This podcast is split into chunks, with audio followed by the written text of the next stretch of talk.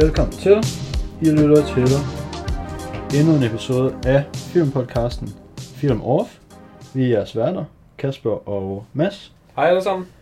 Øhm, og vi er tilbage i dag med lidt en, øhm, det er lidt en corona special. Ikke fordi vi rigtig skal snakke om noget corona, så måske er det slet ikke en special, men vi er i nogle rigtige corona-tider. Når man hører den her podcast i fremtiden, så kan man i hvert fald... Øh, Så kan man datere den. ja. Og der er faktisk lidt nogle coronatider. Fordi vi havde jo planlagt, at vi skulle se Weathering with You i weekenden Det er rigtigt. til at være... Næste podcast. Ja. Og det er jo så aflyst. Det er blevet banet fra biografen, Ja. fordi det er alle. Så i I den forstand, verden. der er vi lidt, Ja. lidt ramte. Ja. Så vi er jo tilbage til, øhm, at vi skiftes til at vælge en film. ja vi har lige, vi har lige et hængeparti. Uh, har du været god? Har du Ja, inde det, er det ikke, op? det er ikke det gode hængeparti. Nå, okay. Det er, um, det er derfra, vi snakker om den der scene i Zodiac, som vi fik snakket lidt rundt Nå, om. ja, det. Hvor der var en scene i Zodiac, som du synes var rigtig dårlig, og som du sådan fortalte til mig, og så var sådan... Jeg ved, ikke, ja. jeg ved ikke, hvad du snakker om. Yes. Hvad, hvad er det for en scene, det der overhovedet? I Directors Cut, der er der på et tidspunkt, hvor at øh, politibetjentene, hvad er det nu, de hedder? Øh, Armstrong og... Jeg aner ikke, hvad fuck Armstrong er. Jo, det, det er ham, der ikke er tu, Toski, Tushi, Tos, Toski Toski. Yes. Øh, er hans makker. ja, det er hans marker, Bill Okay. Armstrong, tror han hedder. De, de, de snakker jo sådan med øh, deres chef, Hmm. og de er i gang med at snakke om øh, Arthur Lee Allen, som de godt kan lide som suspect. Og Mm. så siger øh, Toski sådan meget overbevisende, at, at han havde et crew cut, og det matchede den description, som de havde fået tidligere. Og jeg ved ikke, hvad et crew cut er, så jeg slog det lige op, fordi jeg tænkte, at det var lidt cool, at på engelsk, så har man sådan et decideret sådan beskrivelse af den frisyr, fordi vi har set, hvordan han ser ud, og han er jo sådan skaldet, øh, og har sådan hår ved siderne. Ja. Og det tænkte jeg, at det var jo så, det må være det, der er et crew cut. Men jeg slog lige op alligevel, og det er overhovedet ikke et crew cut. Et crew cut er faktisk modsat. Ja. Der har man kort hår i siderne, og egentlig hår på toppen. Ja, men ikke nødvendigvis meget. Det er nærmest sådan... Altså, det Ja, det er sådan lidt- Det er tæt på sådan en army bus, men Ja. ikke helt, måske. Yes. Så der var jeg sådan lidt forvirret og tænkte, jamen så har han det jo ikke. Og den scene, det var efter, at de havde mødt ham.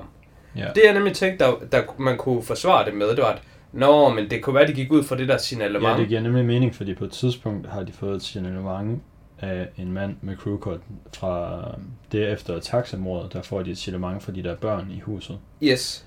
Øhm, og det er det, det går ud fra et stykke tid. Men så møder de Arthur Lee Allen, Så møder de ham i slet virkeligheden. Ikke, slet ikke har det haircut, og så senere igen taler de om, at han har det. Ja, og, og det synes jeg, det var godt nok forfærdeligt dårligt. Ja. Fordi vi praisede jo filmen for at være så god.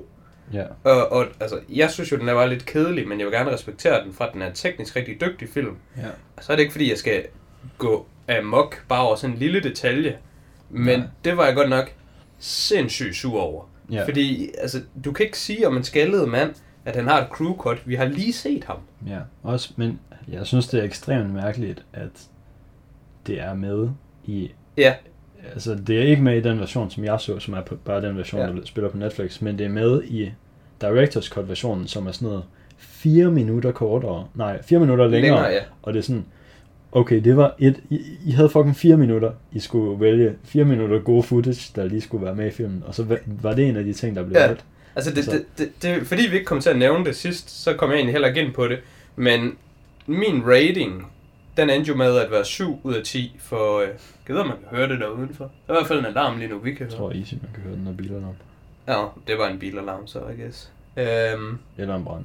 Måske er det sådan en brandalarm. en brandalarm. Der er nogen, der Der er i hvert fald ikke brand her, så, så er det jo ikke... Øhm, der endte jo med at give den 7 ud af 10, og det gjorde jeg med forbehold for, at jeg valgte bare at ignorere den scene. Altså, jeg valgte bare at sige, nu lavede vi bare som om, at jeg havde set Ah, ikke Jeg director's troede lige, cut. du skulle til at sige, at den faktisk godt kunne have listet sig op på en 8, hvis den ikke var med. Nej, nej, nej, nej, nej, nej. Okay, Det har det listet sig op fra 6 til 7. okay. fair nok. Ja. Men det er det var- den, den havde vi lige. Det var det, vi skulle snakke om um, Zodiac så har vi set en ny film i den her uge. Ja. Hvad vil du så sige noget andet? Nå, der vil jeg bare sige, og hvis man nu hører det her, den her podcast, og ikke har hørt Zodiac, så hele den her intro, det er jo bare noget ramble. Ja, Så kan man jo lige passende gå tilbage og høre den om Zodiac, efter man har hørt den her. Der er Ja. lige en god tie-in her. Alternativt så kommer der nok sådan noget 50 minutters ramble mere her efter, som man også bare Ja, ja. kan Så, lytte til. ja. så hvis man er inde på sådan noget, så er der masser. Ja. Øh, Øh, men det her afsnit, ja. nu er det så min tur til at vælge en film igen. Øhm, og der har jeg valgt en fransk film, der hedder The Intouchables. Er det meget slemt? Eller er det sådan... Nu kan du lige sige, hvordan det lyder med brandalarmen.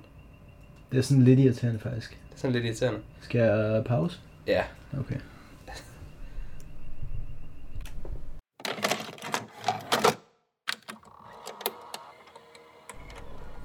Jamen, øh, vi fortsætter, hvor vi slap lige inden vi blev brutalt afbrudt af en bilalarm eller noget lignende. Og du skulle lige til at introducere den Jeg film, lige du til at valgt, introducere skal filmen, ja. Øh, jamen, denne gang der har jeg valgt den franske film Intouchables, øhm, som er en af mine yndlingsfilm øh, nogensinde. Så jeg tænkte, den var, den var et ret nemt valg.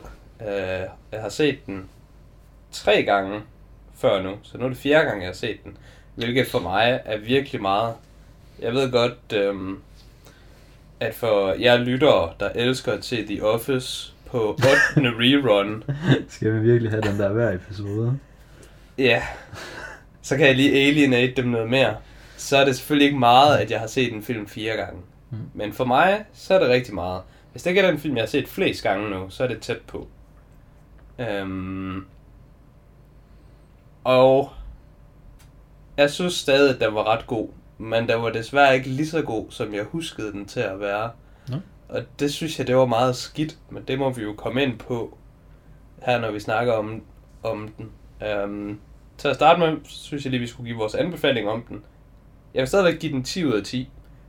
Fordi jeg ved, at den er rigtig god. Jeg synes bare ikke, min oplevelse, den var lige så god, som de andre gange, jeg har set den. Men det har jeg tænkt lidt over, og jeg tror, jeg kommer frem til nogle forklaringer på, hvorfor det er. Men det er stadigvæk, altså det er, det er en af de film, hvor jeg synes, man kan ikke beskrive den anderledes, end den er et mesterværk. Så Mm. hvis man ikke har set den, så skal man helt klart se den. Ja. Jamen, det er jeg også enig. Du er også enig? 5 ud af 5. 5 ud af 5. Jeg havde Øh. den faktisk på 4 ud af 5 før. Og Så var så, første gang, jeg så den. og så fik vi den, så blev den lige moved Så op. jeg kan lige...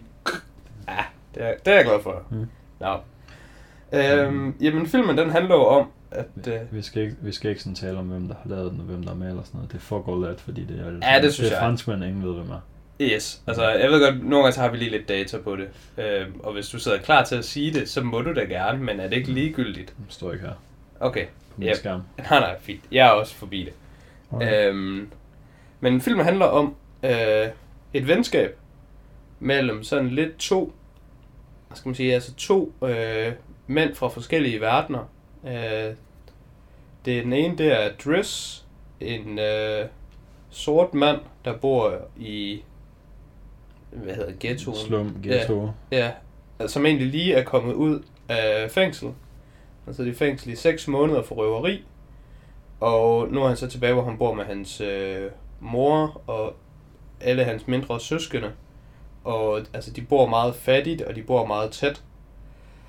Og han er så her på bistand. Og så, mens han er på bistand, så for at få den her bistand, så skal han tage til jobinterviews. Og han er egentlig bare ude for at få bistanden. Øhm, og ikke så meget jobs, så han tager bare ud til de her jobs, for bare at få sådan underskrifter til at vise, at han har søgt dem.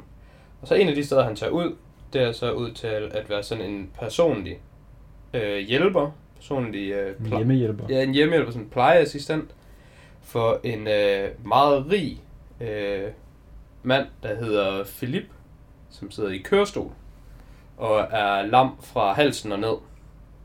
Ja, han sidder ikke bare i kørestol. Han sidder Ja. ikke, fordi han kan fucking ikke en skid. Ja, altså han er lam fra hal- fra halsen og ned, men altså han er ikke, hvad hedder det, handicappet på andre måder, sådan mentalt. Nej, nej, det... det Øhm, og der ender han, Philip så egentlig med at ansætte Dress, netop fordi, at det er en øh, person fra en anden verden, og som egentlig, altså han kommer til, altså i hans øjne vil han gerne give ham en chance. Men det er vel også fordi, man ser de, de her interviews, han kører, hvor at Driss han sidder og venter i sådan en lang række af akademikere, der skal ind og fortælle om alt muligt, om hvorfor de, de er de perfekte til jobbet.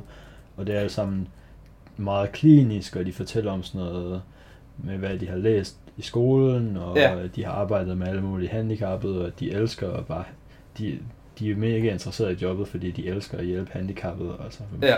Det er der jo ikke nogen, der er fucking interesseret i et job for. De sidder bare og fyrer mundlort af. Ja. Og så, han vil gerne have en, der bare Der siger ting til ham, som de er, og be- behandler ham som... Ja, altså som en almindelig person. Ja, Øh, behandler en, ham mere som en, en almindelig person, både sådan fysisk, mm. Mm. men også egentlig sådan mentalt. Altså, selvom det er hans chef, så tør han godt sige noget til ham. Altså, og han, han tør godt bare være sig selv og være sådan direkte til ham. Mm. Ja, så det er egentlig det, filmen handler om. Og ja, så er der jo egentlig ikke så meget i det andet, end, end at det det her venskab, der jo Men egentlig det udvikler sig. om, hvordan deres forhold. Ja. Ja. Øhm, jeg vil jo karakterisere den her film som, altså den er sådan en rigtig, og nu, nu noterede jeg det ikke lige, men det tænker jeg faktisk på at gøre, men jeg tror faktisk godt, jeg kan huske det alligevel. Inde på Netflix, øh, hvor man kan se filmen, der, der har den jo sådan nogle tags for filmen, og jeg Ja. mener, den var heartfelt, emotional og inspirational. Det tror jeg, det var de tre tags, den havde. Øh, og, det, og det er meget passende. Altså, den her film, den synes jeg, den er enormt wholesome. Ja, Og der er jeg sådan lidt biased, fordi Wholesome er potentielt min favoritkategori af film. Og jeg vil mene, at den her film er en af de bedste, hvis ikke den Så bedste, Wholesome film. kan sidde godt sig lidt over den. Ja, Så er det godt for dig. så kan man altså... Der, altså man sidder sgu bare og sådan har det rigtig godt med, hvad der foregår. Altså de ting, der udspiller sig. Og det, det er ikke ment på den måde, at det er bare sådan en ren lalleglad film jo. Nej. Men altså, man, man forstår karakterernes motivation og deres ups and downs. Og det, jeg synes, der virkelig gør filmen til et mesterværk, det er, hvad hedder det, de to hovedpersoner. Øhm, altså, skuespillerne og. Ja. karaktererne og det hele, det passer bare så perfekt sammen. Altså, de er, de er så goddamn likeable. Ja, de spiller begge to helt Ja. godt. Altså, du kan rigtig godt lide dem begge to. Mm. til trods for, at de begge to nogle gange gør noget, man ikke nødvendigvis er sådan helt enig i, eller noget, der ikke lige helt er så nice. Ja. Så forstår man, hvor de kommer fra. Jeg tror, altså jeg tror sådan en film her også, den bliver hjulpet en del af, at jeg ikke har nogen personlig kendskab til skuespillerne. Ikke at den nødvendigvis har brug for særlig meget hjælp, og Mm. mm. kendte skuespillere kan sikkert også putte en god performance ind. Men det, at man bare... Altså, du kunne have fortalt mig, at det var ægte personer, basically. Og så ville jeg nærmest, næsten bare have troet på det. Ja. Hvis ikke det fordi, okay, jeg ved jo godt, det er en film, jeg sidder og ser. Men når jeg ikke kan connecte dem til noget andet, jeg har set før, så for mig er de bare den person, de spiller i den her film. Ja, det er rigtigt. Det kan jeg så faktisk lige sige, at der har jeg lige haft en modsat oplevelse. Øhm, Mm. Jeg har lige set uh, What's Eating Gilbert Grape, Mm. hvor Leonardo DiCaprio han spiller en autistisk person. Mm. Og jeg ved jo godt, at Leonardo DiCaprio ikke er en autistisk person i virkeligheden. Men i den film, så fordi han spiller rollen så sindssygt godt, og jeg ved, at han ikke er det, så gør det det endnu bedre. Det er fair. Så, altså, men altså, jeg forstår godt, hvad du mener. Det, det er sådan noget, det går sådan lidt begge veje. Nogle gange, så kan man også godt være sådan lidt, altså, hvad fanden laver Tom Cruise på gaden og tigger om penge? Han er jo millionær. For, for ham. Altså, der, der er nogle roller, der er nogle skuespillere, der ikke kan bære, for eksempel. Jeg elsker Tom Cruise, han er bare vores go-to eksempel. Det er også, Altid hvorfor, Tom sidder, Cruise. hvorfor sidder Tom Cruise inde på alarmcentralen og tager imod opkald? Det giver heller ingen mening. Men altså, Tom Cruise, han kan kun være Tom Cruise. Tom Cruise, han kan, Men han er fandme god til at være Tom Cruise. han kan lidt af hvert, men altid som ham selv. Um, ja, det var egentlig uh, ret meget intro til filmen, så vi kan jo springe lidt ind i noget lidt forskelligt. Jeg har en, jeg gerne vil starte med. Start. Start med starten. Den starter med... Jeg skulle også lige til at starte med starten. Skulle du også så meget? Ja. Ja. Jamen, så får du lov. Får vi simpelthen det samme. Nå, men jeg vil bare høre dig om, hvad du synes om den måde, den starter på. Fordi den starter jo med den her scene, som egentlig er fra sådan en midt i filmen, sådan forløbsmæssigt, hvor at vi ser de to hovedpersoner er ude at køre i en eller anden bil, Ja. En rigtig lækker bil, som ham den rige mand selvfølgelig ejer. Ja. Og Men altså så, på hele det her tidspunkt, der ved man jo ingenting om det. Nej, nej. Man, man ved ikke noget om noget. Ja. Så sidder de og snakker lidt, og så øhm, kommer... De kører stærkt. Musikken er også meget... Øh, Den er episk. musikken den er meget going. Den er oppe at køre. Ja, ja. Ja. Det er oppe at køre. Der, Så kommer der, er lidt- ja, så kommer der noget politi efter dem. Og så øhm, væder de, om, øh, Ja, man kan slippe fra om, dem. kan, om øh, Dris kan køre fra dem. Ja. Og øhm, det vil ham den gerne, anden gerne være med til at vide om. Ja. Så Nu, øh, nu, nu stopper jeg det bare lige, fordi det her det er meget detaljeret. Men jeg, jeg, jeg forstår, hvad du mener. Mm. Men nu vil jeg også gerne lige læse det her op, som jeg har skrevet. Okay. Hvordan har du det med film, der starter med at vise noget først, og så senere hoppe hen til noget, der er sket lang tid før det? Som for eksempel i den her film, hvor der er to karakterer, som ikke engang kender hinanden endnu. Fordi det sker jo egentlig ret ofte i film. Øhm, at man starter et sted, som så Ja. ligesom bliver en tie-in senere hen. Ja, den, den Så klassiske der... Jason Statham. Uh, you're, you're probably wondering how I got here. Og så sidder han i et eller andet, sidder på knæ, og der er en eller anden mand, der peger på ham med en pistol. Og så er han sådan, uh, for at fortælle jer det, så er vi nødt til at gå to uger tilbage til bla bla bla bla. Ja. Øhm, jeg, kom, jeg kom til at tænke på, at jeg tror generelt ikke, at jeg kan lide sådan noget. Der tror jeg, der er sådan lidt uh, Morty-agtig med, mm. if you wanna tell the story, just tell the story. Ja, men jeg er faktisk Og også... så prøvede jeg at komme med et eksempel mm. med, jeg, altså hvis ikke jeg kan lide det, så må jeg jo kunne komme med eksempler på, hvornår jeg synes, det er dårligt. Mm. Og det kunne jeg ikke. Øhm, så, okay. så, men det er nok bare mig, der ikke lige kan komme på det. Men altså, det, jeg synes i hvert fald, det ændrer meget på nogle af de, altså no, på de briller, man ser nogle af de senere scener med. For eksempel, sådan cirka midt i filmen, da vi er ved at være kommet til det tidspunkt, hvor at det vi har set i flashbacket til at starte med, finder sted. Mm. Lige inden det, der øhm, bliver Drish jo sådan set egentlig opsagt, og han får at vide, at han ikke skal arbejde der mere. Ja, eller det, det er vist fordi, han, han skal kun arbejde der i en måned, ifølge at være på bistand. Nå, men det har de kørt over, og så har de kørt sådan lidt længere over det, og så på et tidspunkt, så er der bare sådan et eller andet, så er Philip bare sådan, du skal jo ikke lave det her resten af dit liv. Nå, ja, på den måde, ja. Ja. Ja. Og så bliver han sådan set egentlig fyret eller sagt op, eller hvad man nu vil, Ja. for at vide, at han skal tage ud og lave noget andet. Ja.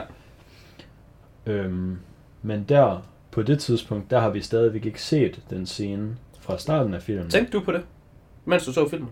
Ja. Okay, for det gør jeg nemlig overhovedet ikke. Fordi jeg tænkte nemlig over, jeg ved jo godt, at de finder sammen igen.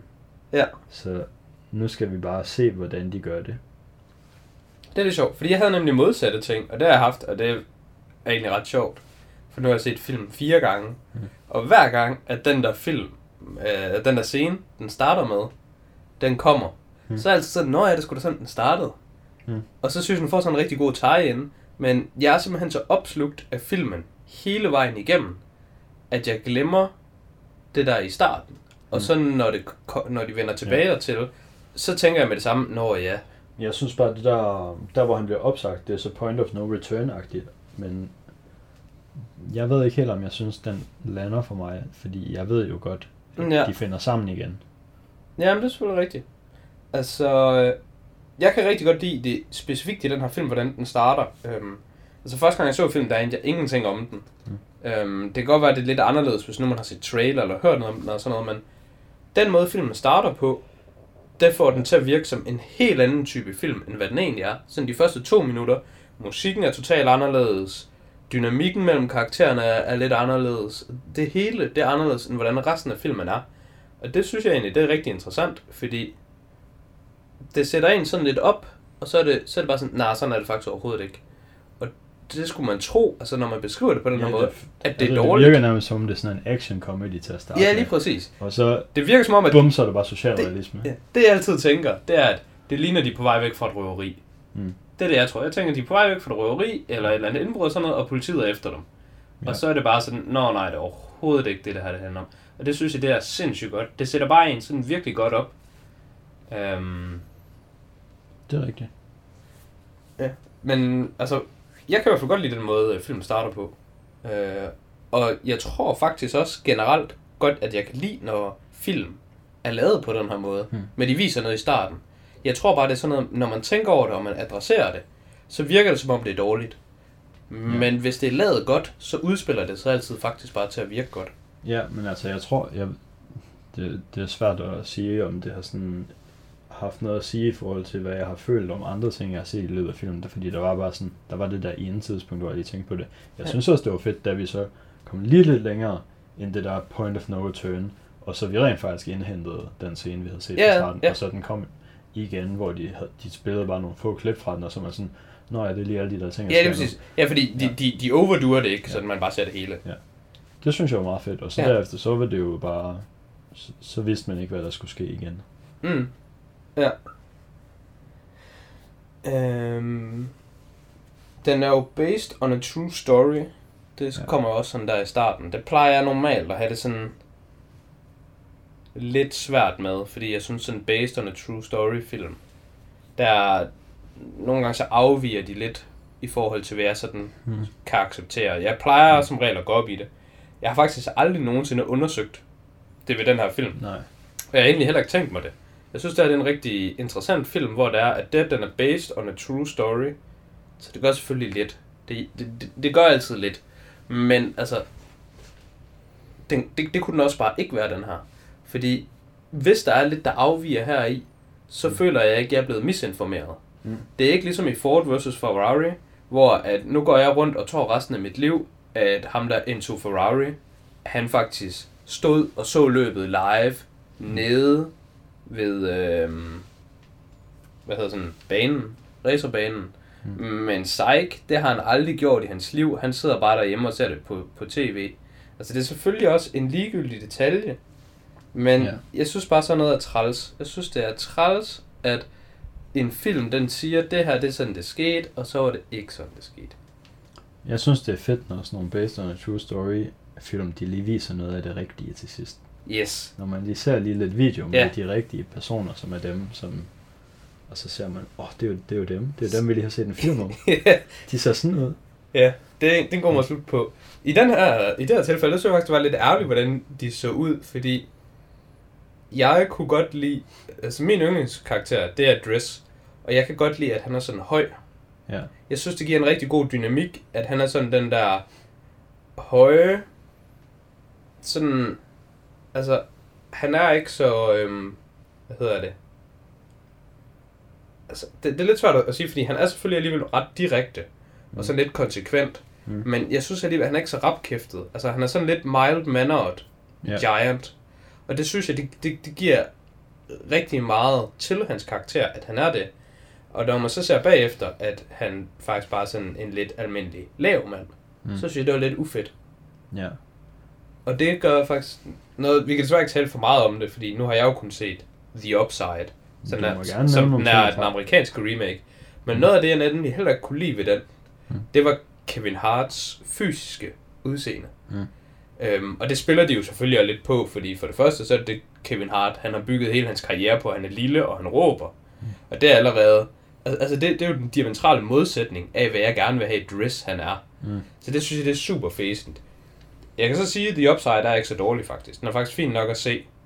Ja. Um, den, den er ikke sådan totalt overdrevet Kevin Hart, som jeg Nej, havde frygtet, men den være. jeg, jeg tænkte nemlig også over den, da jeg sagde det der med, at jeg synes, jeg lever mig mere ind i det, når jeg ikke kender dem overhovedet.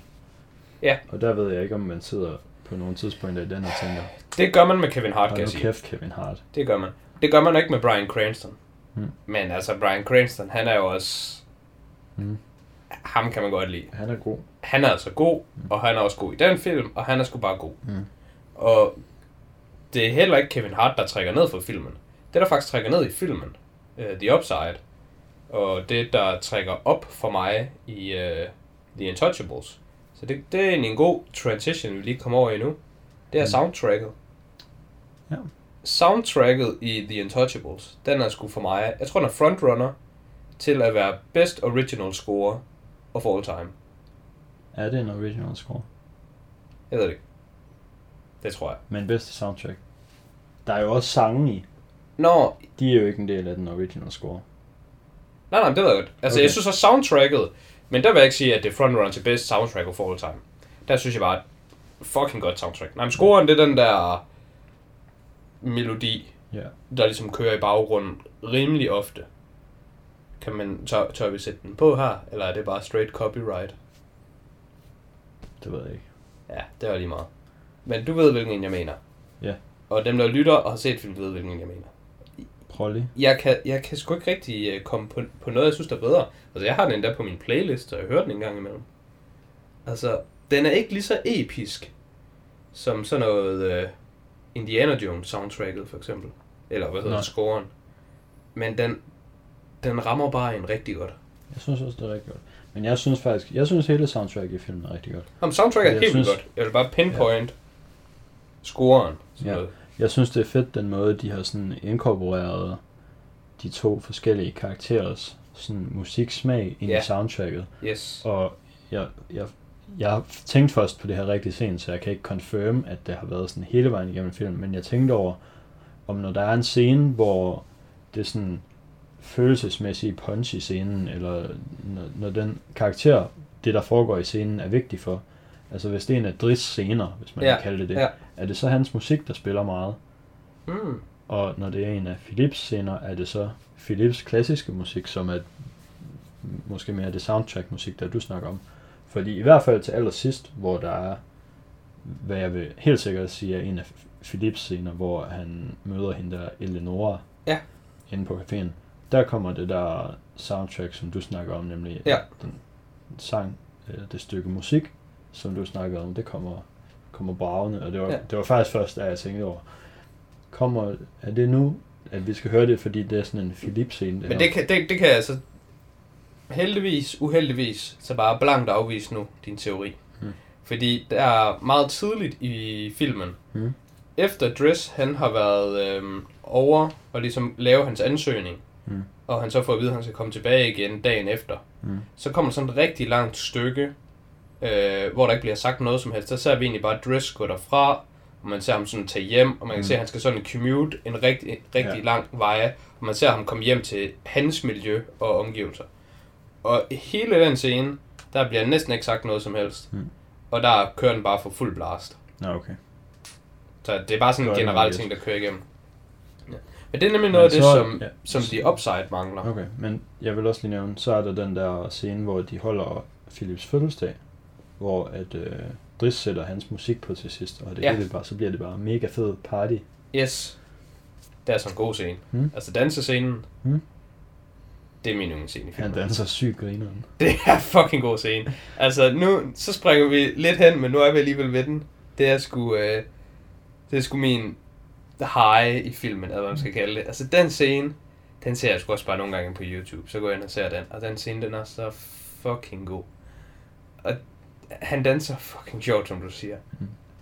Og det, det er den der, det er den der selvtillid, han har. Han oser af selvtilliden. Ja, ja. Og så bare det der kæmpe store fucking grin, han har. Mm. Det er en fucking god scene. Den, den er sgu en af mine yndlingsscener af alle filmscener. Den er bare fucking on point.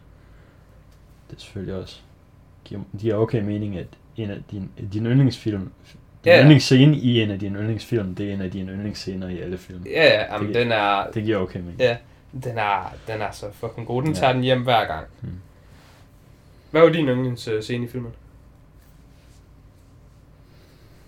Hmm. Det ved jeg ikke. Det, jo, måske der, hvor han står og hælder kogende vand på hans ben, og så kommer hende der ind og sådan, hvad fanden laver du? Og sådan sådan, og han kan ikke mærke noget, og så hælder han noget mere kogende Ja, vand over det andet ben. Så var sådan, hvad laver du? Ja, det er ret sjovt, der hvor at, at han, er, altså, han er så meget unapologetic omkring Ja. det hele. Ja. Og det er jo netop også det, som uh, Philip jo egentlig ser i ham, og det han godt kan lide ved ham. Og Philip, han er jo bare sådan lidt, "Pff, lad ham nu bare. Altså, Ja. han eksperimenterer, og det her det er en learning experience for ham. Altså, der hvor hun har spurgt om, hvad han laver, og så han lige hælder lidt mere vand. Det er fucking godt. ja, ja det, det er rigtigt. Det, det er også lidt som om, at han er sådan lidt, hun spørger, hvad det er, han laver, og så han vil sådan lige forklare sig selv. Ja. Sådan, Nå, jamen altså, han kan jo ikke mærke noget, så Ja. det her det er jo bare godt.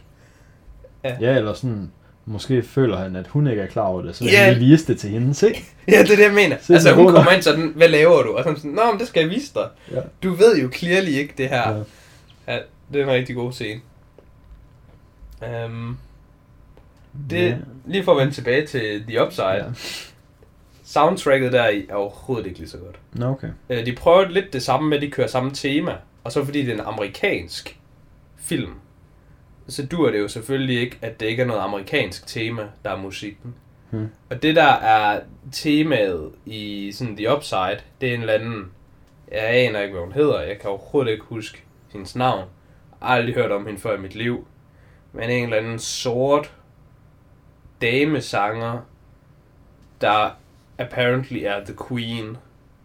Og det er hun sikkert også, og jeg er sikker på, hvis man ved, hvad hun hedder, og man slår hende op, så har hun sikkert fucking solgt en milliard album, og hun er sikkert bare kæmpe fucking stor.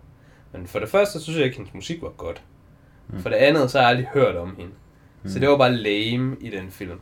Mm. Hvorimod Intouchables, de kører sgu ind med de sikre, og de kører fandme ind med dem, man kender, og det lyder endda også godt. Så det er bare all good stuff. Mm. Altså, for eksempel den scene, øh, dansescenen, inden det, Mm. så prøver øh, Philip jo også at få noget klassisk musik til at sådan få noget til at røre sig inde i Dress. Mm. Han vil jo gerne sådan vise, hvad han godt kan lide. Og så hører vi lige nogle bidder af for eksempel der, den? de fire årstider. Øh, og, og det er jo kendt popkultur. Øh, ja, Det ved ikke. yes.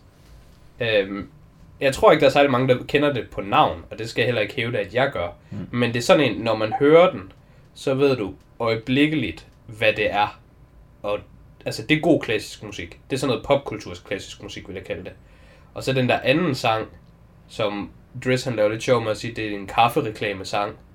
Det jo Ja. bare Nordea-reklamesangen i Danmark. Er det? Jeg Yes. Men altså, vi er måske 15 år tilbage og sådan noget. Men Nordea, de havde engang den som deres trademark det. Sure. sang. Eller whatever Det ellers kan du godt reklamer. mig om. Ja. Og den er også rigtig god. Hmm. Og det synes jeg bare, det er fedt, at i Intouchables, de kører sgu ind med de sikre, og det er noget, man kan genkende, og det er noget, der lyder godt. Soundtracket til den her film er bare crazy godt, vil jeg sige. Øhm. Visuelt, Flot. en rigtig flot film, synes jeg. Mm. Den er virkelig godt lavet. Den har et rigtig godt, øh, hedder det, sceneri, er det det, der hedder? Det. Omgivelser. Ja. Altså, Philip, som jo er sindssygt rig, Ja. han bor jo selvfølgelig mega flot og pompøst. Hmm. Men det er på sådan en nice måde, synes jeg. Altså, jeg kan godt lide det hus, de er i. Jeg kan godt lide de omgivelser, de er i. Og samtidig, så det tænkte jeg over faktisk, øhm, og det er den første gang, jeg tænker over det, øh, hvor jeg ser filmen. Efter at man ser Driss komme hjem fra Philip, og man så ser ham hjemme ved sig selv, eller hjemme med hans mor, der tænkte jeg bare over, hold kæft, hvor er de her to sådan verdener bare sådan skildret sindssygt godt. ja. Altså, Philip han bor nærmest i sådan et, nu, der er selvfølgelig andre bygninger ved siden af den bygning, han bor i, men det er basically et fucking slot. ja, Fordi han har sådan sin egen gårdsplads. ja hvor der lige holder seks Man biler kører- og mere. Ja, men er det, har han så egentlig to gårdspladser? Fordi han har også den der, der er også det der... Han har også en have, ikke Ja, ja, præcis. den, men der kommer lige en eller anden dyve ind med nogle radiser, der... Nå ja, der er ham der Albert. Ja, nej, er det ikke Fred hedder han? Tror jeg måske. Det er ham, Yvonne i hvert fald dater, Ja, ja. hedder han ikke Albert? Ja, måske. Men der er også på et tidspunkt, hvor der, Driss han bare står udenfor og ryger, eller står udenfor og snakker i telefon ude i noget have, hvor man kan se ind i det rum, hvor Philip er inde i. Ah, ja. det ved jeg ikke, om det er den samme have, som den, hvor, Ja. eller den Ja. samme gårdsplads, som den, Og altså, vi er jo inde i Paris. Ja, ja, ja det er det. Så Han har fucking giga... s- slået ind i Paris. Ja, Det er meget flot, men det jeg egentlig mente med det der, altså jeg synes detaljerne i det, altså detaljerne i hjemmet, både hjemme ved Driss og hjemme ved Philip, Hmm. det er bare så virkeligt. Altså det er bare, ja, de er også virkelig gode til at få dem til at føles sådan, så vidt fra hinanden, som man overhovedet kan. Ja. Fordi første gang, at Driss bliver vist rundt inde ved Philip, ja, der går de igennem en masse rum, hvor alting bare er dækket til, og der er helt tomt. Ja. Der er bare sådan masser af tomme rum, der ikke bliver brugt. Og første gang vi er hjemme ved Driss, Ja. Der prøver han at skulle i bad, og så er der bare sådan noget fem børn, der vælter ind på badeværelset og skal alt muligt lort, ja. mens han prøver. Og han sidder ved sådan et virkelig lille bord og ryger. Og ja. der er bare tusind ting på bordet, og bag ham, der er der, der, er der så er der også sådan ting på kogeplader og sådan noget, for at bruge som bordplads og sådan noget. Ja. Ja, jamen, det synes jeg bare, det gør de helt vildt godt. Altså, og det er nok noget af det, der får det til at føles som om, det ikke er en film, men at det bare er virkeligt. Altså, det, altså karaktererne, de er så, så dybe, og sådan omgivelserne, de bevæger sig i, altså det er bare så realistisk. Ja. Jeg må lige så tænke på, nu du sagde med, at man føler sådan to verdener, de kommer fra. Det, det tænker jeg faktisk ikke over første gang. Øh, altså sådan de der to modsætninger med, hvordan de bor. Mm. Men det bliver også vist på en anden måde, som jeg netop bliver mærke til. Og det er sådan, hvordan de socialiserer sig. Altså, øh, jeg vil sige, Dress, han er meget mere en ekstrovert. Øhm, du ser ham hænge ud sammen med alle de der bumser nede på gaden, og står og giver handshakes, og Ja. øh, går, står og giver historier, og bare rigtig hygger sig, og vi er bare doing stuff. Og Philip, han er sådan meget mere reserveret. Altså, han har ikke sådan rigtig... Det Nej, kan han også... skriver de der breve. Ja, han skriver er de der- Altså, lige gå ned og lave nogle fistbumps, det er sgu meget modsat at skrive poetiske breve til folk. Ja. Og, og det tænkte jeg bare på, at det kunne jeg faktisk virkelig godt lide. Men jeg kunne lide begge dele. Mm. Jeg kunne, jeg kunne rigtig godt lide den måde, Driss, han var socialt. Og hvordan, at Philip, han sådan begik sig socialt. Ja. Øhm, og jeg tror også, at det, det er noget af det, der, der giver filmen øh, sådan så meget mening, og så meget, altså, det at du ser to modsætninger, men du kan lide begge dele, altså det betyder bare, at du får det hele på en gang. Altså, altså du får bare et full course meal med Ja. den her film, føler jeg. Ja, Og, men nu, kun gode ting. ja, nu det- hvor jeg sådan tænker mere over det, lige, lige nu her, hvor vi sidder og snakker om det, så er der sådan, der er endnu flere ting, de har gjort for at få det til at, for få dem virkelig til at være så langt fra hinanden, som man overhovedet kan, på alle mulige måder. For eksempel der, hvor man ser dem der til sidst, så ham der, øhm, som ikke engang hedder Driss, men som hedder et eller andet. Ja, han sådan en Basauri eller sådan noget? Nej, Ab- ikke engang. Han har, ja, ja, Abdel måske. Ja. Han, han er jo ikke afrikaner, han er jo bare sådan et eller han ligner mexikaner et eller andet. Nå, ja. Han ligner, han skulle være spillet af Michael Pena i stedet for en eller anden random. Jeg tænkte faktisk Sort. præcis på Michael Pena, dengang Ja. man så dem i virkeligheden. Han ligner fucking ham Ja. en prik. Yes. Øhm, men han ville ikke have skilt sig helt så meget ud, eller ikke nødvendigvis Michael Pena, men altså en eller anden, Ja. der mere er sådan meksikansk looking, skiller Ja. sig ikke helt så meget ud fra Philip som en, der bare er kulsort. Noget jeg faktisk også godt kan lide ved det, og det er egentlig så lidt sjovt, fordi at den er baseret på virkelige hændelser. Så der kunne man jo mene, at det burde være en, der var... Altså, jeg tror ikke, det var ham, der flyttede til Marokko. Der var en, der flyttede til Marokko, men det var vist Philip, der det flyttede gjorde til... Philip. Ja. Øhm, så jeg kan ikke huske, hvor ham der Abdel han var fra. Det ved jeg ikke engang, om man får at vide. Ja, men i, i hvert fald, jeg ville synes, det var dårligere, hvis det nu var sådan en hispanic Mm. øh, udseende mand, der var øh, dressed der i, fordi det er en fransk film. Mm. Og jeg forbinder bare ikke sådan en som Michael Pena til at være fransk mand. Altså, han kan ikke være i en fransk film på samme måde, som en, der er kulsort, fordi Frankrig har virkelig mange sorte mennesker. Ja, der er mange fra Ja, ja, så- immigranter fra ja. Afrika. Så det virker meget mere naturligt i filmen. Altså, jeg køber bare direkte ind i konceptet her, mm. som, som de leverer for mig. Hvilket jo egentlig er sjovt, når man Mm. tænker på, at den er baseret på virkelige hændelser, og de virkelige hændelser faktisk var. Altså, Men- det er jo stadig det samme, men men det kan, det lidt sagtens, anderledes. det kan jo sagtens godt være, at Abdel, hvis det, er, hvis det er det, han hedder, det kan sagtens være, at hans familie ikke har været helt så fattig, eller har været helt, hans levevilkår derhjemme ikke har været helt så skøde, og Ja, det er nemlig nogle det. af de ting. Men der har de virkelig bare cranket den op til Ja, op til max, max. for at få hver karakter til Ja. at føles Og det er jo sådan noget, som jeg så egentlig forskellige fra hinanden som sagde, at, at så, sådan noget, det plejer jeg egentlig at slå op og gå lidt op i. Men det har jeg sgu Mm. aldrig gjort den her film. Og jeg, jeg synes egentlig heller ikke, det er vigtigt. Og det kan godt være, at nu er det bare mig, der sådan smider undskyldninger Mm. på vegne af en af mine yndlingsfilm. Uh, sådan har man jo en tendens Ja. ja. til at forsvare altså, det, man godt kan lide. Jeg føler, at du siger mange ting lige nu, som jeg tidligere har sagt om film, der er baseret på virkelige hændelser, som Ja. du har været uenig i der, fordi du Yes. ikke var vild med filmen. Jamen, det, det er også... jeg synes, men ja, det, men I guess det så giver mening, fordi du, at du ikke har været vild med filmen. Fordi at jeg synes, at hvis man afviger lidt, og ikke, altså, man skal selvfølgelig ikke sige, det her er fucking Man skal the ikke- truth. Det her, vi viser dig, som det skete. Hvis man siger det, så skal man vise det, som det skete, ellers så er det utilgiveligt. Og, Men hvis man bare vej, siger, det skal heller ikke være ligesom Netflix, der bare lige tager og bare lige laver noget sådan. Altså, de må gerne lave en, der er øh, meksikansk udseendsmæssigt, Ja. om en, der er sort. Fordi de fastholder Ja. dynamikken mellem immigrant. Ja, men hvis man siger bare, her er noget stof, der er baseret på virkelige hændelser, eller måske endda bare baseret på virkelige karakterer, Ja. så synes jeg godt, man kan tweak det lidt, så længe det er i filmens service, så længe man får Ja. et bedre produkt ud af det ved at gøre det. Jamen, det Man skal ikke bare rigtigt. gøre det willy-nilly. Nej, nej. Og altså, havde det nu bare været to hvide, øh, almindelige franskmænd, Mm. mm. så havde det jo ændret rigtig meget. Altså, han kunne have haft præcis samme forhold og boet det samme sted, mm. men, men det ville stadigvæk bare ændre meget på sådan det æstetiske udseende. Mm. Mm. Og al den der underliggende stigma, man ved, der følger med. Ja, det Fordi ændrer- Philip, han, han, øh, han lever jo meget i den her snobbede Ja, han får øh, også at vide af nogle af dem, som han taler med, øh, hvad, altså hvad er det for en, du har hyret og Ja. sådan noget. Det ville han jo nok ikke have gjort, hvis Nej, han altså, bare havde men- hyret en random. Havde det været en random hvid person, så skulle Ja. det være sådan en Post Malone-type, der Ja. bare havde fjeset fyldt med tatoveringer og sådan noget. Ja. Sådan vi kunne have det der script igen Ja. med. Men ja, så ham, sådan en synes jeg ikke kan være lige så sympatisk. Dog. Nej, det kan han nemlig ikke. Han har jo taget bevidste valg til at se fucked up ud.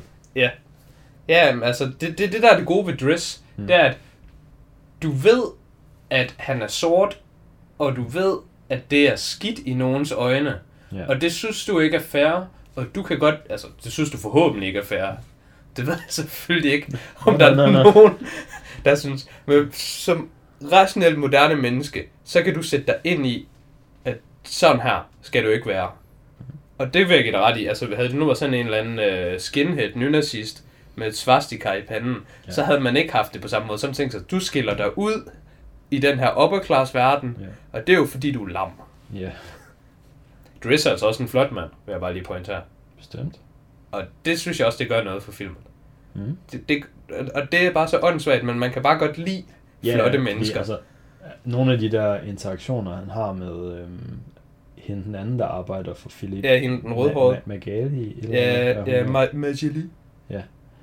De ville jo bare være creepy, hvis han var grim. Det var det, jeg skulle til at sige. Det var det, jeg skulle til at komme ind Fordi på. man kan ikke lægge an på folk, hvis man er grim. Fordi Ikke så man- kraftigt i hvert fald. så er man creepy, men hvis man er pæn, så er man bare sådan lidt, hehe, det er all fun and games. Ja. Det var noget af det, og nu jeg kommer til at hade mig selv for at sige det her. Men det var noget af det, der faktisk trak lidt ned i min oplevelse af at se filmen. Eller det er en af de teorier, jeg har, hvis jeg Mm. skulle komme ind på det. Det er, jeg fik sådan lidt nogle creepy, rapey vibes fra Dress en gang imellem. Og der var jeg sådan lidt, ej, jeg er godt nok for meget en 2K20 social justice ja. warrior lige nu. Men jeg tænkte rent faktisk, at der var nogle scener, jeg ikke var helt cool med, hvor jeg godt vidste, at når ja, det her, det sker jo bare, og, og det, han er sådan lidt en goofball, og det hele er jo bare fint nok. Men der, der jeg fandt mig sgu alligevel lige en gang imellem, hvor jeg tænkte sådan, ah, det her, det var sgu enten, enten var det ved at gå over, over stregen, men altså, altså nærmede vi os stregen. Og det, det synes jeg sgu, det har jeg aldrig oplevet før i filmen, så jeg ved ikke om, om det er sådan noget, jo mere woke kultur man lever i, jo mere begynder man egentlig Uha. at tage det til sig. Det synes jeg, det var super ærgerligt, at jeg havde det på den måde. Boy, lad mig fortælle dig om nogle film, du ikke længere kan se så, fordi så alle film fra 80'erne er bagud, dem kan du jo bare ikke se længere, fordi de er mærkelige og rapey nu. Åh, oh, jeg så faktisk... øh, jeg så... Nu kan jeg ikke huske det var, men... Øh, hvilken scene det var, men i Beverly Hills Cop slash frækkeren politiet tillader, Mm. der havde jeg det lidt på samme måde, dengang jeg så dem. Det var Eddie Murphy, come on! Men hvis man lige skal runde creepy rapey diskussionen af, Ja. så okay, for det første noget andet, så, så følte jeg faktisk ikke, at han var sådan. Jeg følte bare mere, at han var sådan lidt socialt ubegavet og bare mm, fejlfortolkede nogle af de cues, han fik fra hende. Ja. Fordi jeg tror ikke, at det var fordi, han ville sådan Louis C.K. hende og bare, bam, så han nøgen. What you gonna do? Jeg tror, han oprigtigt troede, at hun gerne ville i bad med ham, for eksempel. Han prøver også at kysse hende på et tidspunkt, hvor hun så giver ham en losing. Det er rigtigt. Der diver han lige ind. Mm. Men den scene, den fungerer fint nok i den forstand, at man sådan lidt, han får en losing, og der er ikke nogen, der synes, han ikke havde fortjent den losing. Han havde endda selv fortjent den losing, virker det til. Altså det var som om sådan, hey, jeg prøver lige at få et kys på dig, men ikke fordi jeg håber, at det virker, men fordi jeg gerne vil have, at du stopper mig agtigt. Det var sådan, filmen prøvede at Mm. sådan undskylde det. Det er også bare lidt sådan, går den, så går den, you know. Ja. Og så tænker jeg på, er det bare mig, der bare er en retard? Og er det mig, der lige skal huske, at det jo faktisk er en fransk film? Jeg ved sgu ikke helt, om der er lidt noget andet kultur. Det går bare. Det var, det var være- noget af det, jeg sådan tænkte. Øhm, ja. Noget jeg lige opdagede, da at jeg bootede op for filmen øh, på Netflix, As You Do, Mm-hmm. det er, at noget af det allerførste, der kommer op på skærmen, det er, er Weinstein Ja, Production, ja. eller sådan noget, Weinstein Company Production. Der, Der tænker jeg også lidt, hmm, den har en lidt værre smag i munden i dag, ja, kan man sige. jeg tænkte præcis i samme dengang jeg Ja. startede, så jeg sådan, jeg vidste sgu ikke, det her det var en Weinstein Company. Altså, men så, så, så, Mm. tænkte jeg bagefter, Mm. og der, nu bliver jeg undskyldende for min yndlingsfilm igen. Den efter, nå ja, det er jo faktisk overhovedet ikke en Weinstein Company film, det her. Det her det er jo en fransk film, og så er han jo bare den amerikanske distributør. Han har jo bare købt rettighederne til det. Ja. Han har ikke en skid med det at gøre. Og det her, det er jeg overhovedet ikke kigget ind i. Nå, men det var bare det, jeg tænkte. Det var vel det, han var på sådan alle film. Det var vel... Altså, Ja, var, jo- det ved det var, faktisk Det, det var jo ikke sådan... Jamen, der er jo forskel på at være en amerikansk producer i Ja, Hollywood, sure, der så giver noget the green light, og at du så bare har lavet en film i Frankrig, og den er allerede færdig, og den kører allerede i biografen i Frankrig, det er en stor succes, og du tænker bare, wow, det er en stor succes i Frankrig, den køber jeg lige at tage til USA. Nå, ja okay. Men det ved jeg så heller ikke, om det er tilfældet, om, eller om de fik penge til at hjælpe med at få den lavet. Ah, det er selvfølgelig rigtigt. Det ved det, jeg kan, ikke. det kan jo gå ei- either way, men Ja. ja. um, han har i hvert fald lige fået um, 23 år i The Slammer, as they say. og jeg tror, hans advokat sagde noget med, at hvis I giver ham 5 år, så kommer han til at dø i fængsel. Og så var dommeren lige sådan, bang, han får lige 18 år i det, så ser vi, hvad der sker.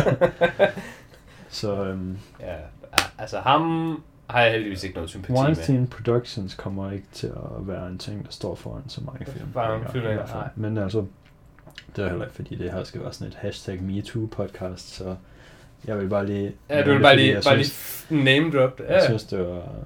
Jeg stussede lige over det, da navnet kom op i starten. Ja. Men det var sådan set bare det. Noget andet, jeg har tænkt over, øh, en af grundene til, at jeg måske ikke synes, filmen var så god den her gang, det var, at jeg så den alene. Mm. Sad bare derhjemme og kugelurede alene. Mm. Og Man kan ikke Det- være sådan... Hey, hey, er, er det ikke fedt, det her, der sker lige nu?" ja, det er præcis. Ja. Og altså, det er ikke engang... Noget, jeg synes, der er rigtig godt ved den her film, det er, at det her det er sgu en film. Den kan du sgu godt se med en pige på første date. Du kan se den med din kæreste, I har været sammen i fucking 100 år. Du kan sgu godt bare se den med dine bros. Første gang jeg så den, der um, var det bare en eller anden random tidspunkt, ikke så lang tid efter jeg var flyttet hjemmefra, tror jeg. Så var jeg lige hjemme med mine forældre, og så skulle vi bare se et eller andet. Sagtens se den med, med familien. Og- Det er altså bare en film, du kan bare se den med any Foresl- company. foreslog de den, og så var jeg sådan, sådan noget fransk socialrealisme, det skal jeg fucking ikke bede om. Og så var de sådan, Jamen, altså, det er den, vi ser, så må du se med eller ej. Og så øhm, så jeg med, og så var jeg bare blown away. Det er faktisk lidt det, jeg håber på, der egentlig sker for folk, der hører vores podcast, hvis de eksisterer i hvert fald. Hmm. Så håber jeg, at I lyttere, I tager os som nogle gode smagsdommere, og så rent faktisk ser de film, vi anbefaler. Fordi det er jo egentlig det, altså jeg kan jo afsløre mig selv nu og sige, jeg ser fucking mange film. Og det vil man vide, hvis man havde tjekket min letterbox ud, kan de plukke mig selv der. Uh, men lige nu, der tror jeg, jeg tror jeg er tæt på at have brudt 1600 film, Mm. som jeg har rated. Og der er fucking ja. mange lortefilm er der iblandt.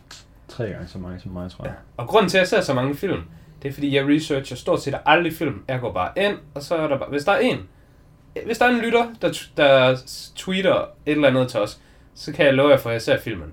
Medmindre det er et eller andet, Mm. jeg kan slå op til at være noget meme. Så gider jeg sgu ikke rigtig se det. Men jeg er sådan Chasing the Dragon, og dem får man en gang imellem. Og dem får man altså Mm. med den her Untouchables. Fordi jeg kan heller ikke huske, hvorfor jeg så den første gang, andet end det bare sådan, Nå, men den er rated semi-højt, og jeg skal se noget, så jeg Mm. ser den bare. Og når du går ind blind til film, og du tænker, fransk socialrealisme, det skal jeg fucking ikke bede om. Socialrealisme er nok min hadegenre. Åh, oh. jeg kan godt lide socialrealisme heldigvis. Og jeg kan også rigtig godt lide uh, foreign film. Mm. Så i, i den forstand, lige præcis, ja. Den, den, den han blev præsenteret, Den- der var jeg det var faktisk tænkt, den skal jeg have. Ja, det var jeg ikke sådan super into dengang, men nu er jeg også sådan... Jeg kan sagtens se en film, hvis den er på et andet sprog. Jamen, Øhm. jeg kan faktisk rigtig godt øh, lide at se øh, ikke-amerikanske film. Af to grunde. Jeg, jeg plejer rigtig ofte at lede efter sådan nogen, fordi Mm. for det første, så, så det jeg tænker, det er, hvis du kan finde en ikke-Hollywood-film, øhm, altså sådan med høje ratings eller noget, folk taler om sådan noget, Mm. så føler jeg sådan ekstra vouchet for, fordi altså hvis det er en fransk film, der sådan har klaret sig internationalt, Ja. så betyder det altså, at, at den må være virkelig, virkelig god. Ja, ja. Det er heller ikke. Det er ikke fordi, jeg sådan har været... Ikke har haft lyst til at se franske film, fordi de sådan snakker fransk i den. Jeg har mere bare været sådan... Jeg gider sgu ikke se en fransk film, fordi franskmænd kan ikke lave gode film. Ja, altså det er selvfølgelig fair nok, Ja. at, at have på noget. Men altså, så har de jo kunne prove mig wrong, men altså, det er jo bare derfor, Ja. man ser jo bare film fra Hollywood, fordi at der ved man, at det er sikkert godt håndværk, der er lavet ind i dem. Ja, jeg ser rigtigt. ikke film fra Hollywood, fordi jeg skal fandme have dem, hvor de snakker engelsk, så jeg ikke skal sidde og læse undertekster. Jeg sætter alligevel engelske undertekster på min engelske film, Ja, så jeg kan sidde og læse dem. Fordi hvis man lige... Hvis man skal have lidt chips i hovedet, for eksempel, så kan man sgu ikke høre, hvad de siger. men nu er det sjovt, at du nævnte det med undertekster, fordi det var faktisk min øh, teoripunkt nummer to, til hvorfor jeg tror, jeg ikke synes, filmen var lige så god den her gang. Mm. Nu så jeg den jo på Netflix med danske undertekster, Mm. og jeg synes faktisk, at de undertekster, de var sygt whack. Nå. Jeg synes ikke, de var særlig gode, eller jeg synes, de var lidt underlige. Jeg synes, det var lidt mærkeligt. Og normalt, når jeg ser film, så ser jeg også film med engelsk undertekst. Ja. Øhm, det gjorde jeg så ikke lige den her gang. Jeg tænkte også på, skal jeg stå over på, og sige, nah, nu er jeg en halv time inde, nu sender jeg bare på dansk. Og så, så slog det mig faktisk undervejs, at det er jo egentlig sjovt, hvor meget... Altså nu er det fjerde gang, jeg ser den her film, og jeg tror, jeg har set den på sådan fire forskellige medier. Øhm, så, så jeg har både haft set den med danske undertekster og engelske undertekster og alt muligt forskelligt lort. Har du set den dubbed?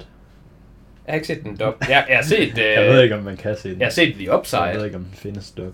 Jeg, har- jeg har set den øh, remade. Det er Ja. tæt på dub som muligt. Og der kan man så tænke på, når det er en fransk film, og jeg ikke forstår Mm. et kvæk af fransk, Mm. så underteksterne, de kommer faktisk til at have en meget større indflydelse på ens oplevelse af filmen. Det er måske rigtigt. Så den måde, ting bliver oversat på, Ja. det kan faktisk ændre enormt meget af din Ja. oplevelse. Ja, altså jeg, jeg skal... Jeg vil helst have, eller jeg vil foretrækker strongly at have, at have engelske undertekster, når jeg ser noget engelsk indhold, fordi at der kan jeg jo som regel høre, hvad de siger. Ja, og det skal være oversat der- en til en. Ja, ja, og så hvis der bare står noget andet nede i underteksten, Ja. så er det sådan, Ja, hvorfor står der det der dernede nu? ja lige præcis. Øhm, men jeg tænkte også, øh, da de bare kom op på dansk til den her film, der tænkte jeg, jeg startede med faktisk at tænke, øhm, når jeg kan nok kun få lov at se den på dansk, fordi Netflix har nogle gange ikke de engelske Nå, okay. undertekster. Øh, men så, så uden at tjekke det, så tænkte jeg bare, hmm, Nå, men det er måske også fint, fordi uanset om jeg ser dansk eller engelsk, så er de jo oversat fra fransk. Ja, Det er altså, jo ikke fordi... Man får ikke den der mismatch, hvor Ja. at der er en eller anden politimand, der råber, We'll take him down! Og så står der fucking nede i underteksten, We'll catch him. Ja, Og så tænker man bare sådan, det her det er forfærdeligt. Det Ja. er forfærdeligt. Det er godt nok det samme, men det er forfærdeligt. ja, det er sådan, Men, men det, det kommer jeg bare lige til at tænke på, og jeg synes faktisk, at underteksterne, de, det er jo lidt svært at pinpoint, men jeg synes bare generelt, så det, sgu ikke, det, det var ikke lige så godt. Nå, okay. Øhm, Dem tænker jeg faktisk ikke rigtig over. Noget andet, øhm, som jeg så netop også tænkte over i den dur, det er, at altså nu ser jeg jo egentlig en del øh, udenlandske film, og jeg har aldrig Mm. tænkt over det her før nu, og det kan måske have noget at gøre med, at jeg, den forrige film, jeg så, jeg har lige set øh, Hardboiled, som er en øh, kinesisk film, og så så jeg øh, øh, Porco Russo, som er en øh, Ghibli studiofilm. Japansk. Ja, japansk film. Øhm, og fanden, det er ikke så lang tid, siden, jeg har set en... Nu er det ikke fordi, vi skal have en anmeldelse af den, eller men jeg skal lige høre, hvad du gav på også. Øh, 5 ud af 10. Okay. Øhm, men det jeg egentlig vil sige, det er, og, og igen, jeg kommer lidt til at hade mig selv for at sige det her, fordi Mm. mm. nu kommer jeg bare til at adde til stereotypen i verden, men fransk er faktisk et flot sprog, synes jeg. Mm. Og det synes jeg også, det hjælper den her film. Det, det er ikke fordi, jeg siger, at, at, at fransk er bare sådan the language of love, men det er faktisk et flot sprog. hvis jeg skulle se en udenlandsk film, In the Blind, Mm. så vil jeg i hvert fald foretrække, at det er fransk over rigtig mange andre sprog. Måske vil jeg egentlig foretrække det fransk over alle andre sprog. Altså Mm. måske ikke lige engelsk og dansk, men der er man jo biased, fordi det er sprog, jeg kan forstå. Ja. Og jeg synes egentlig også, det er lidt sjovt, når man ser noget på tysk, eller når man ser film, og der er så nogen, der taler tysk. Ja. Så synes jeg egentlig, at jeg forstår tysk godt nok til, at i filmens sammenhæng, så kan jeg som regel opfatte noget. Så tysk, det kan jeg heller ikke helt tage ind på samme måde. Nej. Men jeg synes faktisk, fransk er et rigtig flot sprog. Ja. Jeg har faktisk ville se den der tyske Netflix-serie, der hedder Dark. Den er sindssygt god. Ja, men jeg er ikke kommet, jeg er ikke kommet til det endnu. Men 9 ud af 10. jeg har set en episode af den, og så det var egentlig fint. Det var fint, selvom de snakker tysk. Jeg, jeg giver den 9 ud af 10. Mm. Og det, vi er tættere på 10 ud af 10. Den er... Den er sgu en af de serier, jeg rent faktisk kan vouch for og, og recommend. Den synes jeg virkelig er Cool. god. Øhm, ja, så den synes jeg, du skal se noget mere af. Jeg bare ser... Øh, Ja, du ser, du ser jo flottet. ja, Men det er jo det, der sker, når man skal se uh, Park and Recreations for tredje gang. 12. gang måske. Jeg ved ikke, hvor mange gange. Jeg ved ikke, hvilket loop du er kommet til nu. Ja, jeg tror måske kun, jeg har set det to gange. Nå, okay. Men det er en lang serie at se mange gange, jo. Ja. Altså. Ja, jamen, så, så er det jo klart, at man er serieflottet. Ja. Hmm. Tager Jeg føler også, min, jeg- øh, Jeg følte også lige... Ja, jeg tænkte også lige på et eller andet. Jeg følte, tabte jeg jeg skulle tråden, der er. Hmm. sige. Hmm. Det var ikke havde. Ja. Vi var ved at Hvad var dit low point i filmen? Jeg har ikke været forbi low points. Hmm. Det ved jeg ikke. Det er svært at lige komme på et konkret low point, tror Det er jeg. svært at komme på, når, når jeg Ja. ved, at du har givet filmen 5 ud af 5. Ja, men jeg synes, uden sådan at nødvendigvis tage stilling til, om det var det laveste punkt nogensinde i Ja. filmen, så det jeg lige tænker på, det er der, hvor at man skal, det føles som om filmen vil have en til at sidde og tænke sådan, åh oh, nej, nu øh, bliver han fyret, hvordan skal det nogensinde blive godt igen? Mm, ja. Det synes jeg ramte sådan lige lidt ved siden af ved mig, fordi at jeg havde set det flashback, som filmen starter med, og jeg vidste, at de ville gøre det. Men jeg er fair nok. Ved mig, der var det den der scene, øhm, hvor at øh, Philip, han sidder inde på caféen og venter på at møde Eleanor. Hmm. Og så går han sådan ud af caféen. Altså, øh, han går selvfølgelig ikke ud. Men altså, de forlader caféen. Mm. Og så ser man sådan lige i det, at de sådan går ud af caféen, så kommer Eleanor ind. Mm. Og sådan, de krydser hinanden, men de ser ikke lige hinanden og sådan noget. Det, det tænkte jeg bare over, at fuck, hvor whack, tænkte jeg. Der er jeg bare sådan, hvad fanden er det her for en spasser scene? Altså, hvorfor går de lige forbi hinanden, men de ser ikke hinanden? Altså, der tænkte jeg, der, der synes jeg sgu, sovsen den begynder at klumpe lidt for meget med. Øh, Måske er det bare mig, der overtolker det, men jeg tror det bare som om, at det, at det er et eller andet symbolsk med, øh, hvor tynd stregerne er mellem skæbnen for at mødes, eller sådan et med, at uh, de var så tæt på hinanden, og Mm. jeg tænkte i hvert fald bare, fordi det bliver aldrig adresseret senere. Så tænkte jeg så, måske er det, når de møder hinanden på den der date, de har til sidst, så kan han sige, hvorfor kom du ikke? Og sådan sådan, åh, oh, men det gjorde jeg også, men min bus var forsinket. Eller Nå, men lort." han, han gik jo før tid. Nå, gik han før tid? Ja. Okay. De, de havde aftalt at mødes klokken 6, tror jeg, og så Ja. på et tidspunkt, der siger han, nu gider jeg ikke være her længere, tag mig ud, og så siger hende, han er med, men den er ikke engang 6 endnu. Nå, og så okay. sådan, skal ud. Ja, okay. Jeg, jeg, jeg, tænkte, jeg tænkte faktisk, at det var sådan, at, at den... Nej, nej, det er ikke at sådan, de han var siddet, sådan, det er ikke sådan, han har siddet og ventet for længe på hende. Nej, jamen det er rigtigt nok, de snakker sådan over den, at lige nu er den 46, og så spurgte han lidt tid, nå, nu er den 47, tiden den går Ja, altså langsomt, og sådan, fuck det, vi skal ud. Ja. Ja. Den, det, jeg synes faktisk bare, den der scene med, og det var, bare, det var bare lige præcis det der med, at man lige ser dem kryds. Der var jeg bare sådan, fucking Mm. why? altså, Ja, det er nok. det, det var sgu bare sådan lidt, men, men altså, det var jo ikke, nu er vi jo nitpicking, men Mm. det var bare lige, hvis man sådan specifikt skulle komme på noget. Jeg synes også noget, som kunne være anderledes, men ikke nødvendigvis skal være anderledes. Men jeg synes, det er lidt sjovt, at man aldrig finder ud af, hvordan han er blevet rig. Nu er jeg kommet i tanke om det, jeg skulle til at sige. Fandme, fandme godt. Du sætter mig lige op der. Mm. Jeg, min, min sidste teori, og den jeg holder mest på, med hvorfor jeg tror, at jeg ikke nød den her film øh, så meget, som jeg plejer at gøre, at det er fjerde gang, jeg ser den. Plus Wow. sidste gang, jeg så den her film, og så Mm. mellem til nu, der har jeg set The Upside ind imellem. Mm. Og problemet er, at jeg har set The Upside for måske et års tid siden, og så har jeg set den her film tre gange før. Så mens jeg sad og så filmen, så var der jo hele tiden ting, jeg vidste, der ville ske. Men min hjerne blandede bare rundt i lortet. Mm. Så nogle gange, så skete der sådan en ting, hvor jeg tænkte sådan, nej, det er ikke det, der sker. Eller så var jeg sådan, Ja. hey, vent, hvorfor er det ikke sådan her agtigt? Eller når, for eksempel det der med, at Philip han var rig. Mm. Fordi du får du at vide i The Upside, at han handler inden for kunst. Der han, der han, han, han skriver en bog, og han har udgivet en bog, og han er sådan en forfatter omkring et eller andet selvhjælp. Mm. Et eller andet mental game shit. Ja, okay. Og det var også bare det, jeg tænkte, at Philip han var i The Intouchables. Og han handler godt nok med kunst.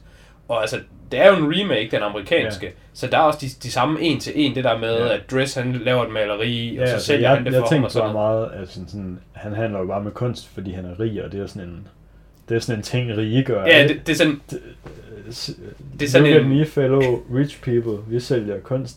ja, altså det er jo det der klassiske The Rich Get Richer game, som jeg kan vouch for nu personligt at have oplevet med, jamen altså, hvis du har penge, så er det nemt at lave penge. Hvis du har penge til at købe noget, sidde lidt på det i et stykke tid, og så sælge det dyrere, Mm. jamen, så er det nemt at lave penge. Men hvis du ikke har pengene til, for det første, at ligesom købe noget up front, og du ikke Mm. har nok penge til, at du bare kan sidde på det, indtil sådan, du får det rigtige, så er det svært at lave penge.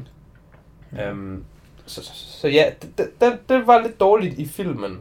Um, og, og det tror jeg, at altså, der har jeg skulle stukket lidt en kæp i hjulet for min egen oplevelse, at bare have set den samme Ja, ja. film, Det kan jo godt ske. men, på, men bare sådan, fordi altså, The Upside er faktisk en ret fin film. Jeg kan Mm. godt anbefale, at man ser den, men det er bare ikke en film, man går fra og tænker, at den er et mesterværk. Mm. Og det er fordi, den har bare ikke, de er bare ikke lige så, karaktererne er de samme, men skuespillerne er ikke lige så gode i de roller.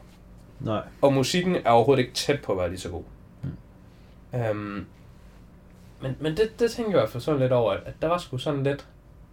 Min hjerne den var sådan lidt scrambled eggs på det punkt. Der var bare sådan, det hele var bare rørt sammen. Ja. Så der, det var sgu dumt. Hvilket jo så, der kommer jeg til at tænke på, at det bliver egentlig en lidt spændende måde, at komme til at se den skyldige på, når vi skal se remaken af den. Hvordan det kommer til at være. Øhm, fordi jeg ved sgu ikke, om jeg har set andre film, hvor jeg har set remakes. Jo, jeg har selvfølgelig set Aladdin, og faktisk synes remaken, den var straight up god. Men Jeg kunne også godt lide Aladdin remaken. ja, Den eneste kritik, jeg havde til den, det var, hvorfor har I brugt en masse af Guy Ritchies tid på det her? ja, det er lidt Fordi mærkeligt, det er at Guy Ritchie... clearly bare Disney executives, der har bestemt, hvordan den film skal være. Og så er de sådan, vi skal lige have et eller andet godt navn at skrive på. Hey, Guy Ritchie, kan du ikke komme og bare sidde i en directorstol i øh, nogle måneder, og så giver vi dig en fucking pose penge. Fat paycheck. Ja. Ja. At, altså, det er en Fordi det kritik. føles ikke som en Guy Ritchie film. Der var jo en Guy Ritchie scene deri. Øhm, og det var næsten også den eneste originale scene deri. Så på den måde synes jeg, det var okay nok.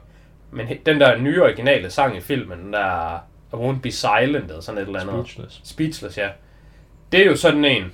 Den scene er jo basically bare Sherlock Holmes-scenen, hvor de slås.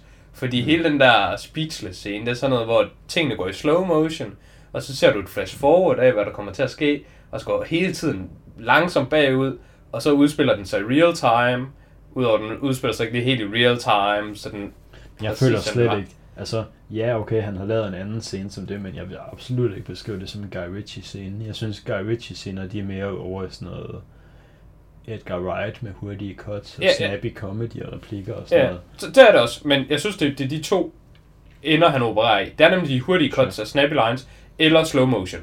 Hmm. Der er altså også meget slow motion. Hvis du tænker Snatch, for eksempel, der Mm. hvor øh, Brad Pitt han bliver slået ud, der falder han også ned i noget vand, Hmm. og slow motion. Han, han bruger begge dele. Det er sgu et trademark. Ja. Jeg var faktisk lige inde at se uh, The Gentleman. Uh, den var rated 8,1 på IMDb, og den var sådan på top glæder jeg mig også til at se. top adventures film of all time. For det var lige det, jeg lige var at søge igennem. Ja, det er en adventure film. Jeg aner ikke, hvorfor Jeg det tror var ikke, der. det er en Nej, adventure det tror jeg nemlig heller ikke. Men det var lige det, jeg var inde og se på, og så kom den op. Så, så den tænkte jeg, den, øh, den, den, den varsler godt, og den tænker jeg, vi skal have på podcasten, hvis vi synes, den er god selvfølgelig. Det tænker jeg også. Men det er den jo selvfølgelig, så den kommer jo. Nu er vi jo alligevel der, hvor vi sådan skal til at runde af. Så det var egentlig, det var en film, jeg tænker, den, den er nok i fremtiden, og Weathering with You, som vi har lidt uh, spoilet af i fremtiden. Ja, jeg vil faktisk lige have nævnt den igen der, hvor du sagde det der med, at du bare fyrede filmen, og fordi du skulle have The Dragon. Yes. Øhm, jeg havde glædet mig rigtig meget til at skulle have se Weathering with You, fordi jeg ved, den ved jeg intet om. Jeg ved jeg, intet om. Jeg var inde på IMDb-siden for den, fordi... Jeg ved ikke engang, hvad den har i rating. Mm, Jeg ved ikke engang, om den er god. Det kan jeg heller ikke huske. Jeg, sk- jeg skulle ind på IMDb-siden for at tjekke et eller andet med, hvem der havde instrueret. Jeg tror, jeg skulle tjekke... hvad Ja, det ved du godt. Du ved godt, hvem der har instrueret den. Nej. Det er den samme, som der har lavet... Øh, hvad fanden hedder den? Your Name. Your Name, ja. Ja. Jamen, ved du, hvad han hedder? Nå, nej, men du ved, det er ham. Ja, du ved, det er the guy. Jeg skulle lige ind, Det er the guy. jeg skulle ind på ham, Det er jo the guy. og så kom jeg til lige, så så jeg ud af mine øjne, at der var noget tekst med, hvad filmen handlede om, og så var jeg bare sådan, det skal jeg fucking slet ikke se, jeg lukkede jeg bare siden. Det er en klassiker. Ja. Man bare sådan, det her, det skal det må slet ikke foregå lige jeg, nu. jeg ved intet om den. Ja. ja, det ved jeg heller ikke. Jo, jeg ved, at... Øh, og det var bare plakaten. Mm. Jeg ved, at et, den er pisseflot. Mm. Det ved jeg bare. Jeg ved bare, at animationen er pisseflot. Og det kommer jeg til at kunne lide. Mm. Og så handler den 100% om en lidt nørdet, taberagtig dreng. Og en eller anden øh, cute, øh, sky, genert pige. Mm. Og, de, og noget, noget med noget kærlighed af det. Så det er en anime. Ja, det er præcis. Altså, det, det ved du bare. Men det ved du ikke, fordi det er en film. Det ved du, ja, fordi det er specifikt Weathering View. Det ved du bare, Ja. fordi you've been around. ja. Men det er ikke lige den, der kommer næste uge.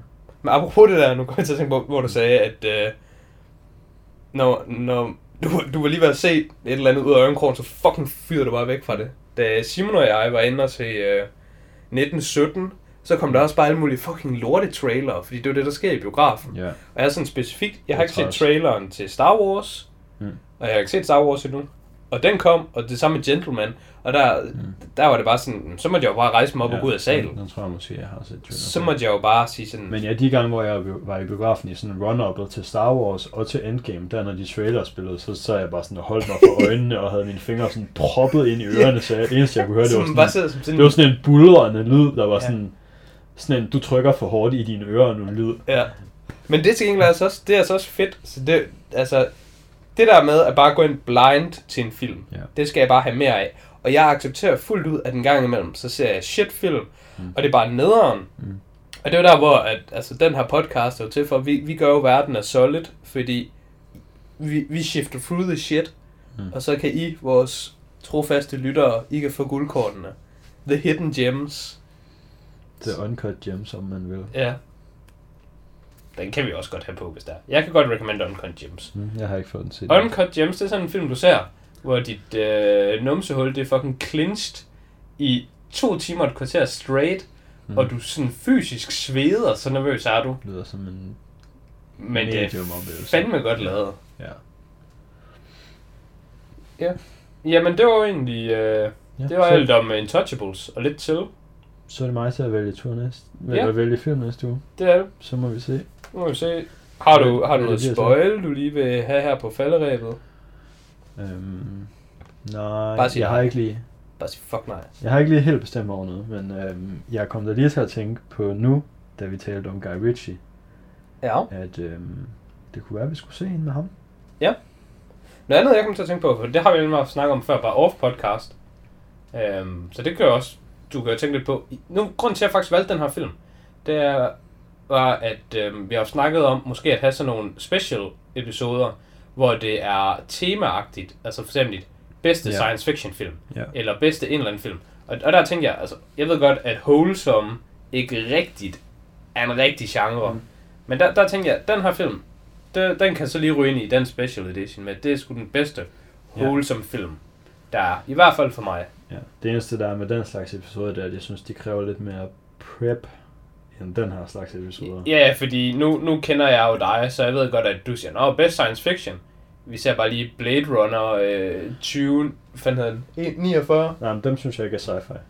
Nå, det er ikke så. Nå, okay. Men så er det sådan lidt, mm, Dem vil man jeg skal ikke se, man skal bedste se. sci-fi Okay. liste.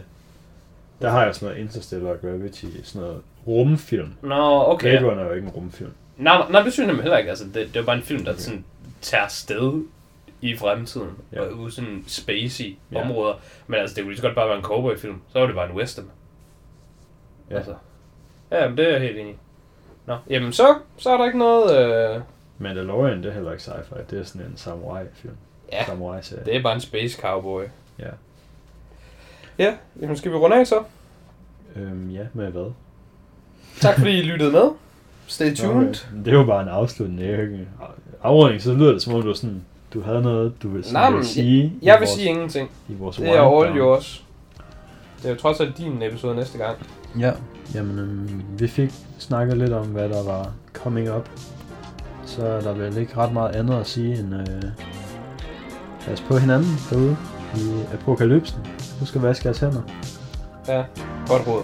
Ja. Det godt lad at være med at fucking købe alt toiletpapir, der er vi andre, der skal bruge. Ja, lad være med at være spasser.